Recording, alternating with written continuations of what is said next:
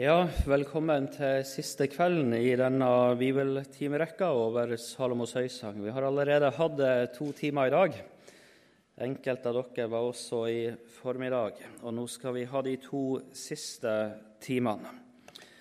Eh, for de som er nye, så heter jeg altså Jan Tore Olsen. Jeg jobber hovedsakelig i et nystarta misjonsarbeid i eh, Sør-Europa, Spania. Eh, som heter Sarepta. Sarepta skal ha et informasjonsmøte her i morgen klokka fem i andre etasje. Har du anledning og lyst til å komme på det, så er du hjertelig velkommen. Det er Hans Bergane og, og Johannes Kleppa som skal være da. Jeg setter meg sjøl på Hurtigruta nordover i kveld, så klokka ett i natt så, eh, så bærer det hjemover.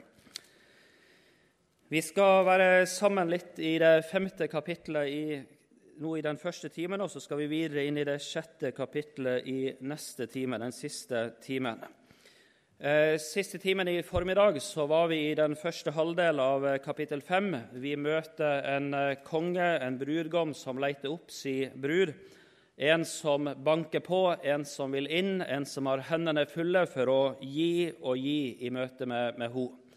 Vi snakka litt om det. Han kommer ikke for å kreve. Han kommer ikke for å holde regnskap og se hva hun har fått til, men han kommer for å gi og for å fylle også hennes innerste eh, med det som godt er. Og Så møter vi det helt utrolige i begynnelsen av kapittel 5, at det er ei som eh, stenger han ute. Det er ei som ikke vil åpne. Det er ei som løfter fram de aller simpleste unnskyldningene i møte med han. Og Så rekker han hånda si inn gjennom døra. Han river den ikke opp og begynner å skjelle henne ut, men han rekker si hånd inn gjennom eh, luka, slik at hun skal få bli opptatt av hans hånd. Og Så sier hun det at 'da ble mitt hjerte rørt for hans skyld'. Og Så kommer hun til seg sjøl på et vis. Hun går for å åpne opp, og så opplever hun det at brudgommen han står ikke der lenger. Han har vendt om, han har gått bort, og så begynner ei forferdelig vanskelig tid i bruden sitt, sitt liv. Eh, det siste møtet med brudgommen det var så fullt av hennes likegyldighet og hennes simple unnskyldninger. Samtidig så vet hun med seg sjøl at han kan jeg ikke leve foruten. Og så begir hun seg på vandring, på leiting etter han. Vi skal ta og lese som det står fra vers 6 eh, og så utover kapittelet. Altså Høysangen 5, vers 6 og utover. Jeg lukket opp for min elskede, men min elskede hadde vendt om og gått bort. Min sjel var ute av seg selv over hans ord. Jeg lette etter han, men jeg fant han ikke. Jeg ropte på han, men han svarte meg ikke. Vekterne som går omkring i byen, møtte meg. De slo meg, de ga meg sår, de tok sløret fra meg, vekterne på murene. Jeg ber dere inderlig, dere Jerusalems døtre, om dere finner min elskede, hva skal dere si ham? At jeg er syk av kjærlighet. Og så spør disse bruden, hva er din elskede framfor andre elskede, du fagreste blant kvinner? Hva er din elskede framfor andre elskede? Siden du ber oss så inderlig. De står nesten og håner henne. Hva var vel han å leite etter?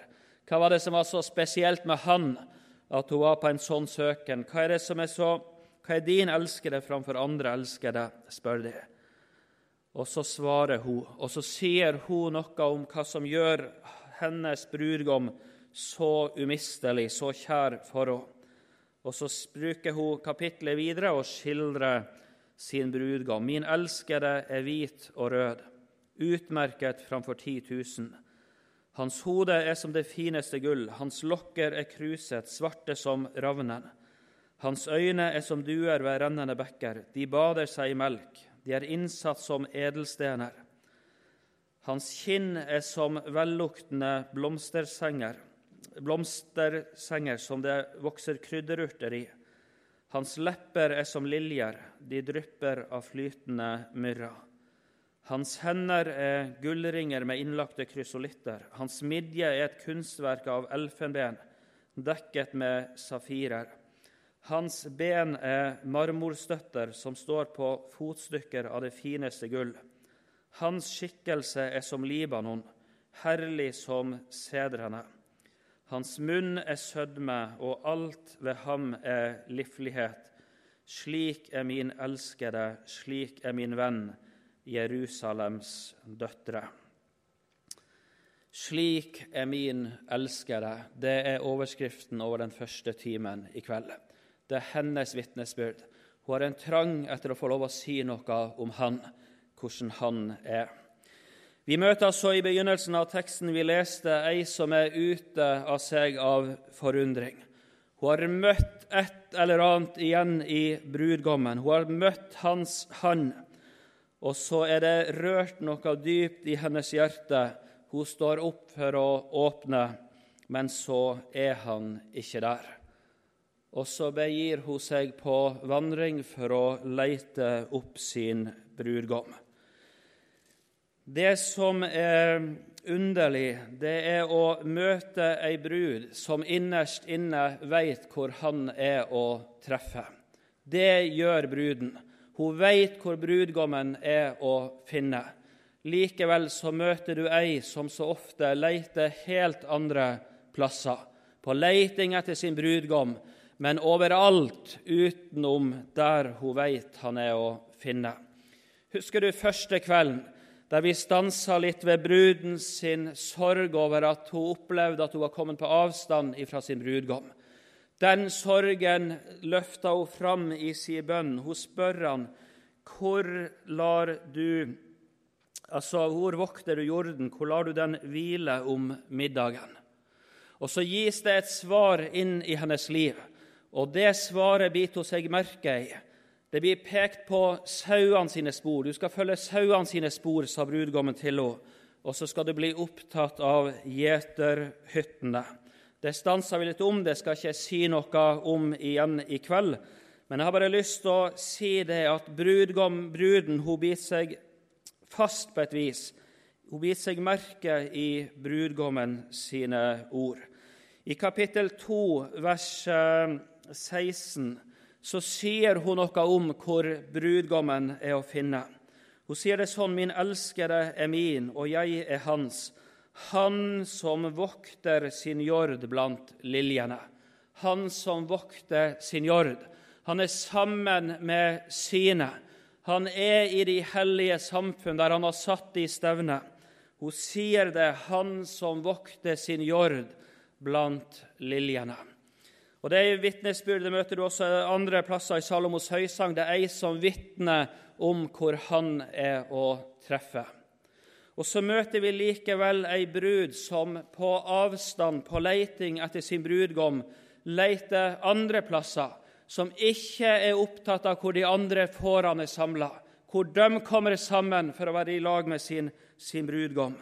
Men hun sier det f.eks. i kapittel 3 vers 1 at på mitt leie, altså hos henne sjøl, på mitt leie, lette jeg om natten etter ham som min sjel elsker. Jeg lette etter ham, men jeg fant ham ikke, sier hun. Eh, hun leter på sitt eget leie. Hun har sagt det at 'min elskede, han vokter sin jord iblant liljene'. Men når hun sjøl er på avstand og leter, så sitter hun alene hos seg sjøl og så leter hun der etter han. Og så vitner hun om at han, hun fant han ikke. Og Så står det videre i det andre verset.: Jeg vil stå opp og gå omkring i byen, på gatene og på torgene. Jeg vil lete etter Han som min sjel elsker. Og så møter du ei som begir seg ut i all larmen i denne verden. På byens gater, på byens streder, på torgene, der leter hun etter Han. Men så sier hun det på nytt igjen men jeg lette etter han, men jeg fant han ikke. Jeg fant han ikke.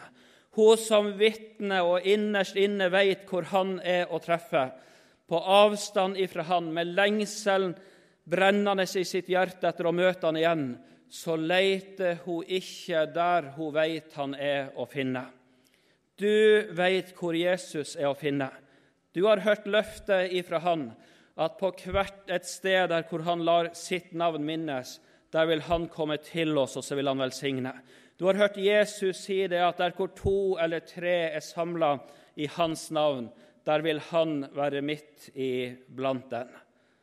Og så er det allikevel så lett å leite alle andre plasser i livet etter Jesus. Kanskje inn i sitt eget hjerte, inn i sitt eget følelsesliv, inn i sine egne opplevelser, inn i sin egen kristendom. Hun lette etter han på sitt leie, men hun fant han ikke. Og Så vender hun seg ut i byen og leter etter han der. Hun vitner om at han vokta sin jord iblant liljene. Nå leter hun i byen, hun finner han ikke der heller. Og så sier hun i det fjerde verset.: Ikke før jeg var gått fra dem, så fant jeg Han som min sjel elsker. Hun vender ryggen til byen, til larmen, til verden. Og så sier hun det at ikke før jeg hadde gått fra dem, så fant jeg Han som min sjel elsker. Vi møter henne igjen i kapittel 5 da er hun på nytt på avstand ifra han, på nytt borte ifra han, og på nytt ei som vender seg inn imot byens gater for å finne, for å finne tak i sin elskede. Og så finner hun han ikke der denne gangen heller. Men legg merke til det. Hun kan ikke leve uten sin brudgom. Det er noe som aldri blir helt og tilfredsstilt i hennes sjels dyp uten at hun får være sammen med sin brudgom. Og så spør hun om hjelp, og så står de bare og ler av henne omtrent og spør hva er vel din elskede framfor andre elskere. Og så begynner hun å bære fram sitt vitnesbyrd. Det gjør hun i det aller mørkeste, kanskje, av hele sitt livs historie etter sitt dype fall, etter sitt svik og sin motstand imot brudgommen, som vi møtte skildra i første halvdel av kapittel 5. Hun må møte han igjen. Samtidig så går hun nok med en uro i sitt indre. Hvordan skal det møtet bli? Hvordan kommer det møtet til å bli når de to møtes igjen på nytt igjen? Det skal vi inn i den siste timen om du har anledning til å sitte en time til her i kveld. Men her begynner hun å vitne, både for de som hun møtte, de som hun hadde rundt seg, og på mange vis også vitne inn i sitt eget liv. Hun sier noe om hvem hennes elskere er. Og det første hun sier, det er det tiende verset. Min elskere er hvit og rød utmerket framfor 10 000. Og så begynner hun å løfte han opp, tegne et bilde av han, peke på han. Og så sier hun utover hans hode, hans lokker, hans øyne, hans kinn, hans lepper, hans hender, hans midje, hans ben, hans skikkelse, hans munn. Og så skildrer hun sin brudgom. Tegner hun et bilde for dem hun er midt iblant, om hvordan hennes elskede er. Et vitnesbyrd som bare handler om han. Bare han. Han, han, han, han. Ikke et ord om sine egne opplevelser, sine egne tanker, sine egne ønsker om å tjene han og leve for han, men et vitnesbyrd som bare bare handler om brudgommen. Han som er et bilde på Jesus Kristus. Og så sier hun til slutt alt ved ham er livlighet. Slik er min elskede, slik er min venn, Jerusalems døtre. Og så skal du legge merke til noe. De som står der og ser litt foraktelig på henne, de spør i det første verset i kapittel 6.: Hvor er din elskede gått, du fagreste blant kvinner? Hvor har din elskede tatt veien, så vi kan lete etter han sammen med deg? Og så er det skapt en trang også i dømmes liv å få et møte med han. Hun har stått og sagt 'han, han, han, han'. Sånn er han. Og så skapes den lengselen i møte med det enkle vitnesbyrdet om kongen, om brudgommen, om sjøl å få møte han. Og så spør de hvor er han, slik at vi kan leite etter han sammen med deg. Så skal du legge merke til en ting. Vitnesbyrdet fra hennes egen munn det har ikke bare gjort noe i de andre sitt liv, men det har også gjort noe i hennes eget liv. Når hun fikk begynne å bli opptatt av han, se på han, forkynne noe om han, si noe om han, bære det også inn i sitt eget hjerte. Sånn er han. Sånn er min elskede. Da er det også klarna i hennes liv. Hun som har gått og spurt er han har dere sett han? Nå møter hun spørsmålet hvor er din elskede gått, du fagreste blant kvinner? Hvor har din elskede tatt veien, så vi kan lete etter han sammen med deg? Og så gir hun et svar. Min elskede er gått ned til sin hage, sier hun, til de duftende blomstersenger, for å vokte sin jord i hagene og for å sanke liljer. Legg merke til hun som bare peker på han. Og så er det ikke bare det at det vekker en lyst hos de andre til å møte han, bli kjent med han, men det klarner også i hennes egen tanke, i hennes eget liv. Nå vet hun hvor han er og så må hun dit for å møte han. Vi skal ikke stoppe ved alle versene her. Jeg har bare lyst til å ta fram et par ting av det hun sier når hun bærer fram sitt vitnesbyrd om, om sin elskede. Men før det så har jeg lyst til å si eh, noe. For i dag så er det enormt mye forkynnelse om det å vitne om Jesus for de andre.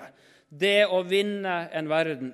Og så er det enormt mye forkynnelse som gir gode råd og skal hjelpe oss ut i, i møte med menneskene vi bor eh, iblant, for å si noe om, om, Jesus.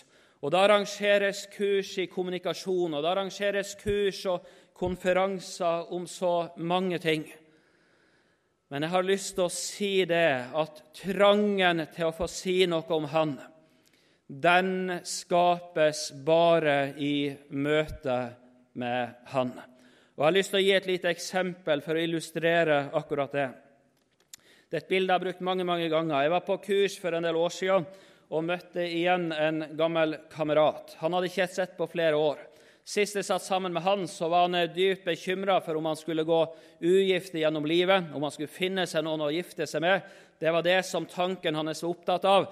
Hvordan skal i all verden skal det gå, det her med kjærligheten? Noen år seinere møter jeg han igjen. Jeg vet han er nygift. Han kommer imot meg og, og, og rekker handa og sier 'takk for sist', og, og, det er utrolig flott å få møte han igjen. Og Det første han gjør, er at han tar opp pengeboka si, og så tar han ut et bilde av sin elskede, altså sin kone, sin nygifte kone. Og så løfter han det fram for meg og sier, se her, Jan Tore, det er hun. Og så begynner han å fortelle om, om hun.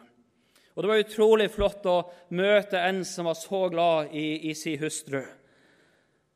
Det som, så, så, det som jeg aldri glemmer, det er at det er jo sånn når man drar på sånne konferanser stevner, sånn, så snakker man fem minutter med en og fem minutter med en annen. Jeg la merke til denne kameraten min hele helga igjennom. Så står han der med pengeboka i den ene handa og bildet i den andre handa i møte med stadig nye mennesker. Jeg sto på avstand gjerne et stykke fra og hørte ikke hva han sa, men jeg visste hva han sa. Han sa noe om hvordan hans kone var. Og så er jeg overbevist om det, at det hadde ikke vært sånn at siste kvelden før han skulle på kurs, så kaller kona han til seg og sier se her, nå skal du og møte alle dine kjente.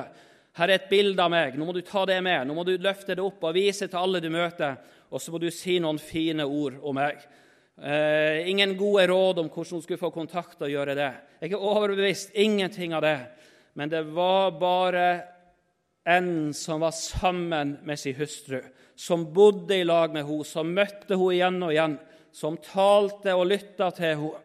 Igjen og igjen var han sammen med henne. Og så var det et møte med henne som gjorde at han bar med seg en trang etter å få vise henne fram for alle han møtte. Det er noe av den samme trangen du møter her når hun synger det ut, der hun maler sin elskede. Slik er min elskede.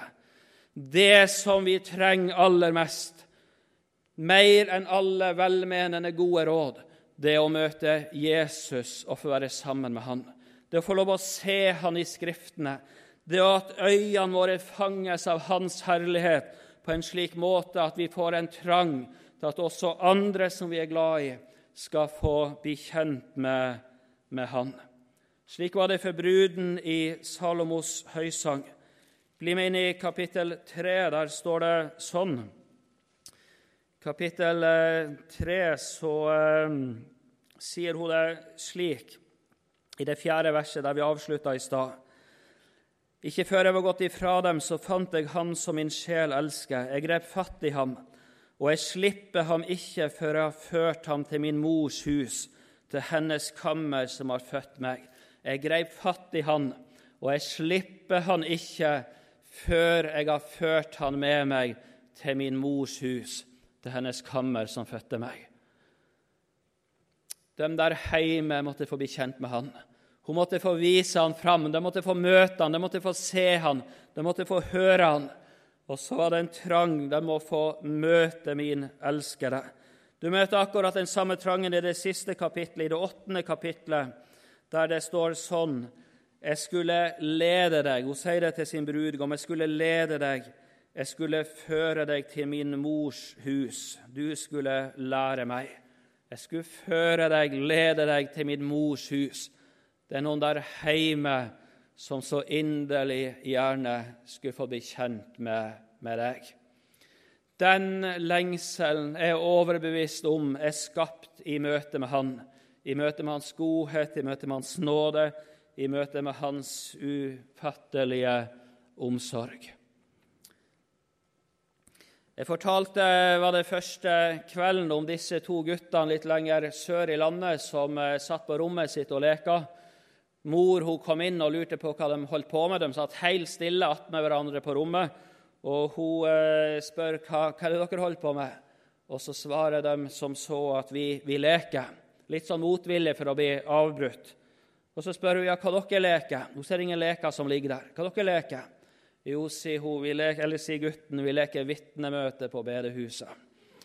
Vi leker vitnemøte på, på bedehuset.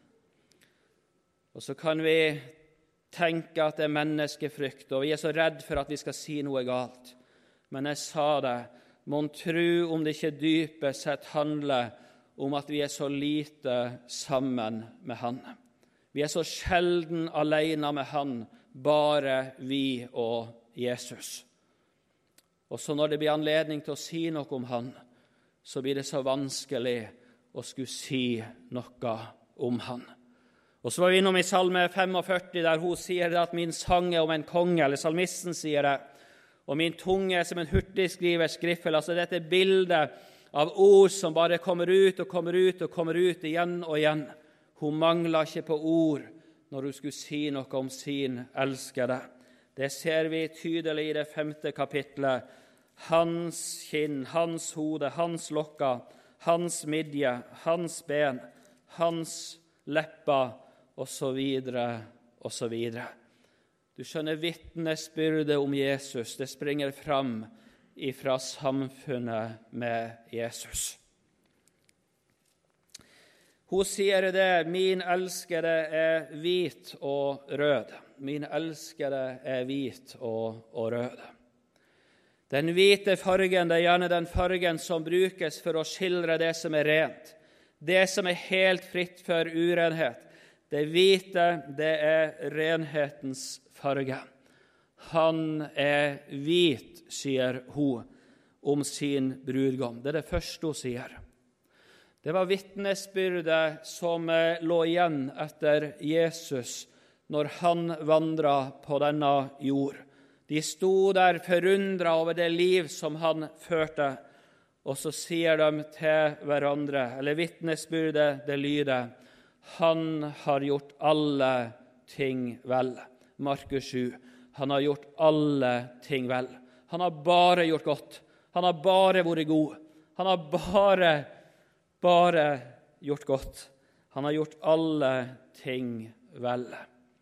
Og Det er mange som kan stå på avstand og be, be, betrakte en Jesus observere han litt på avstand og tenke 'for en mann', 'for et liv', 'for en måte å møte mennesker på', 'for en måte å tale på', 'for en måte å leve på'. Og så er det mange som kan løfte Jesus fram som et stort forbilde også for vårt kristne liv. Og lykkelig er den som får eie Jesus til forbilde for sin vandring. Så må til Jesus å spørre om råd, i, også i møte med de mange valg her i dette livet. Men legg merke til at bruden hun sier noe mer. Hun sier ikke bare at han er hvit, men hun sier at bruden, han, nei, brudgommen er, er, rød. Min elskede er hvit og, og rød. Og den røde farga drar tanken til, til blodet som ble utgitt, til han som ble piska til blods i møte med romerske soldater, han som opplevde så mye lidelse på sin kropp i møte med disse religiøse jødiske lederne, men han som aller mest opplevde Guds vrede der han henger på Golgata kors. Det er ikke det ytre i Jesu lidelseshistorie som er sentrum i hans lidelse. Det er ikke det hans kropp måtte gjennom, men det står om en Gud som gjorde hans sjel til et skyldoffer, som knuste hans sjel. Det er det som skjer på innsida, som ikke vi ser, som er skjult for oss, men som Bibelen vitner om når den sier at han ble gjort til synd for oss. Han ble ikke bare gjort til en synder, men han ble gjort til all heslig synd. Han ble gjort til synd. Han ble gjort til en forbannelse, sier Bibelen. Min elskede er rød. Min elskede, han er hvit og, og rød. Da er det mange som tar ikke bare tre eller fire steg tilbake, men det er det mange som snur ryggen til og springer langt bort ifra han en sånn vil ikke vi ha noe med å gjøre. For blodsutgytelsen både gjennom hele Det gamle testamentet, gjennom offertjenesten, og det som den sikta fram om Jesu lidelse og død, så blodig som den er, den står til et vitnesbyrd om at du og jeg, vi når aldri Guds himmel på eie hand. Det er et vitnesbyrd om at vi trenger en frelser. Vi trenger at syndene våre sones og gjøres opp. Og så er det mange som trekker seg vekk, ikke vil ha noe med en rød frelser, en rød brudgom, en rød Jesus å gjøre. Jesaja kapittel 63. Der står det slik Jesaja 63, det er profeten som spør. Hvem er han som kommer fra Edom i røde klær fra Bosra, så prektig i sin kledning der han skrider fram i sin store kraft? Hvem er han som kommer i røde klær? Og så svarer han sjøl, han som kommer. Og så legger vi merke til hva han sier. Han sier det sånn i slutten av vers 1.: Det er jeg, jeg som taler rettferdighet, som er mektig til å frelse. Det er Jesus sjøl som kommer i røde klær. Det er jeg som taler rettferdighet, som er mektig til å frelse. Det er Messias-profeten får se. Det er Jesus som skulle komme som profeten får se. Og så spør han hvorfor er din kledning så rød? Og så sier han noe om akkurat det. Jeg hadde bare lyst å lese det fjerde verset, der han sier det sånn i etterkant. For hevnens dag var i mitt hjerte, og mitt gjenløsningsår var kommet. Gjenløsningsåret det var jubelåret. Det var det 50. år, sånn rent historisk i Israels folks historie. Da ble den skyldige satt fri. Den fanga ble satt fri. Den som sto i gjeld og skyld, han ble løst ifra alle sine forpliktelser. Han fikk begynne helt på nytt. Alt ble strøket bort, alt ble rydda til side. Alt som hørte fortida til, ble løfta vekk. Det var jubelåret som kom hvert 50. år i Det gamle testamentet.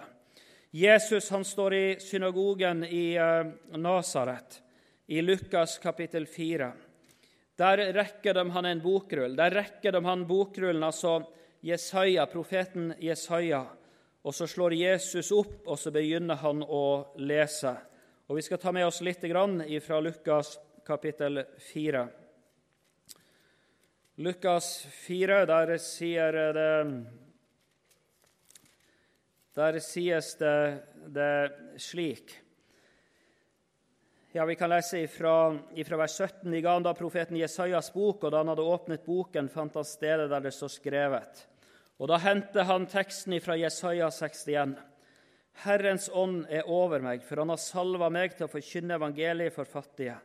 Han har sendt meg for å forkynne for fanger at de skal få frihet, og for blinde at de skal få syn, for å sette undertrykte fri, for å forkynne et nådens år fra Herren. Et nådens år det er det samme som jubelåret, eller gjenløsningsåret, som vi møter her i Jesaja 63. For å forkynne et nådens år fra Herren.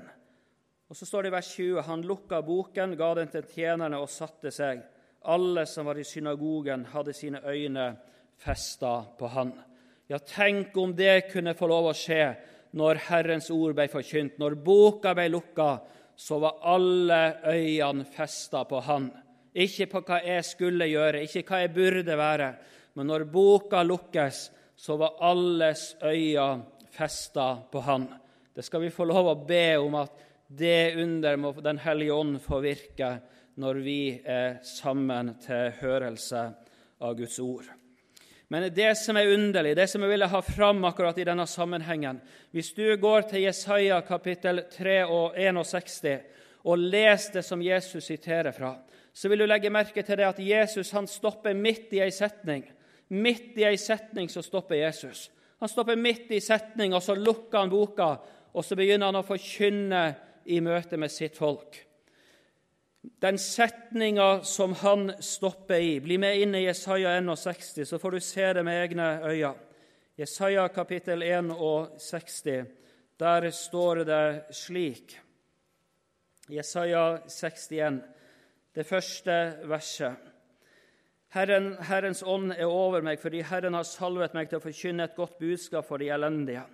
Han har sendt meg til å forbinde dem som har et sønderbrutt hjerte, til å utrope frihet for de fangne og frigjørelse for de bundne. Og så står det til å utrope et nådens år fra Herren og en hevnens dag fra vår Gud. Midt i den setninga, et nådens år fra Herren og hevnens dag fra Gud. Midt i den setninga så lukker Jesus boka. Han taler om et nådens år. Og så er det ikke et ord om hevnens dag å høre der i synagogen i Nasaret den formiddagen. Og så kan man undres, men hvorfor? Hvorfor? Da har jeg bare lyst til å be deg legge merke til Jesaja kapittel 63, der han sier for, for hevnens dag var i mitt hjerte, og mitt gjenløsningsår var kommet. Det bar han inne i sitt hjerte. Han bar den visshet at 'jeg skal opp, jeg skal ta straffa, jeg skal slås, jeg skal lide, jeg skal sone', i stedet for alle oss som det hadde gått galt for i livet. Han bar den visshet og den trang i sitt hjerte livet igjennom. Han skal bære det helt til Golgata for at han skal få lov å stige inn og forkynne nåde, fred og velsignelse i våre liv. Og så sier bruden om han, min elskede er hvit og rød. Min elskede er hvit og rød. Det skjønneste i verden som, det skjønneste i verden som mine øyne så, var kongen i hans skjønnhet med tornekronen på, skriver sangeren. Det er jo et forferdelig syn. Ei tornekrone som presses ned over hans ansikt. Blodet spruter, blodet renner. Forferdelig syn. Men det er en som har sett sammenhengen. Det er en som har sett grunn. Det er en som har sett at forbannelsen ble løfta på hans legeme for at han skulle sone og gjøre opp for oss. Og så ble det samtidig det skjønneste synet, det beste synet, det kjæreste synet. Min elskede er hvit, sier hun. men min elskede, han er også han som skred fram i røde klær. Han som er en frelser også for oss. Og så bare én ting til. Jeg skal bare si noe om det som hun sier lenger ut her i det femte kapittelet, før vi avslutter nå. Det står i det 13. verset 'Hans lepper'. Hans lepper, står det. I det forrige kapittelet, i kapittel 4, så skildrer han hennes lepper. Det stansa vi litt der. De var som ei skarlagensnor, sa han, eh, og så dryppa de av honning. Det skal vi ikke igjen ta nå, men nå er det hans, hun som står og har sin oppmerksomhet imot hans munn, imot hans lepper. Og så sier hun det sånn Hans lepper er som lilje, de drypper av flytende myrra. Hans lepper Hennes lepper de drypper av honning, det hun hadde fått suge til seg av han. Hennes vitnesbyrd er at hans lepper de drypper av flytende myrra. Det taler om overflod, det taler ikke om bare bitte litt, men det taler om masse. De drypper av myrra, av flytende myrra. Myrraen det var noe som ble eh, utvunnet, det var en slags gummiharpikk som ble utvunnet av et tre som bar myrra i sitt navn. Eh, bruksområdene til myrraen var i hvert fall tre som vi kjenner.